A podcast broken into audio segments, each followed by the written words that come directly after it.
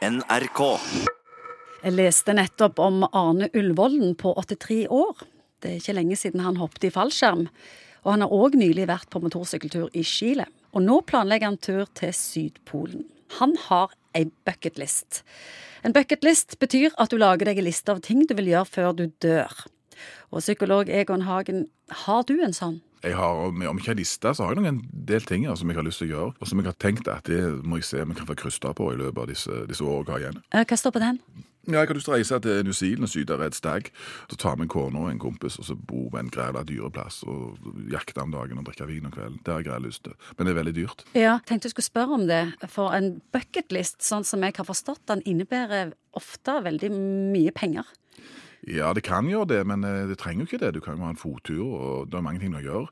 Eller bucketlisten kan være 'jeg skal pike det finne ut av kjærligheten', eller Det er mange ting egentlig som kan være på sånn liste.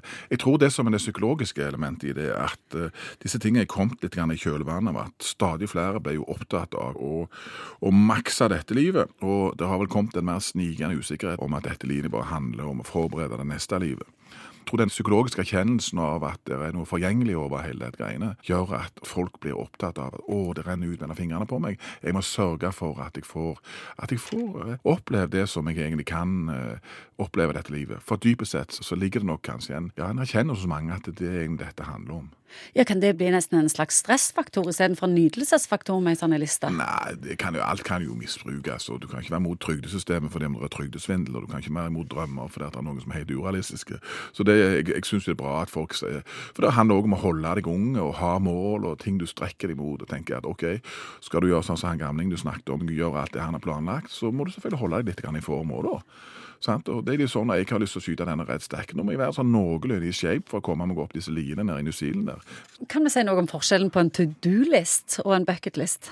Ja, Bucketlist har vel litt mer evighetens, eller maksa i livet sus over seg, og, og kanskje litt mer ambisiøst. Altså, det ble jo tidsnok stilt, Ingvild, og da kommer det å være stilt ganske lenge.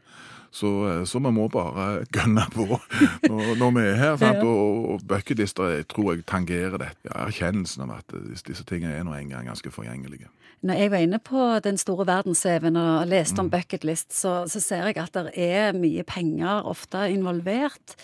Og så er vi jo forskjellige, så jeg tenkte å spørre deg at hvis vi skal lage en sånn liste, hva er viktig å passe på? Du må i hvert fall ikke bli så ambisiøs med at jeg skal være med på denne første NASA-utskytingen til en eller annen plass. Altså det, Sannsynligheten for at du får være med på det, er jo så liten at det er bare tull. Så prøv et eller annet som på en måte er, er litt spenstig, litt trekk i, men som kanskje òg du føler at dette kan jeg faktisk greie å få til. For Det er dumt å ha en bucketlist og så stryke på alt. Eh, Så, så, så eh, det må være litt spenst i det, men samtidig så må det være innenfor det du faktisk kan reelt sett forvente å kunne greie å få til. Må du være så og så gammel for å begynne med en bucketlist?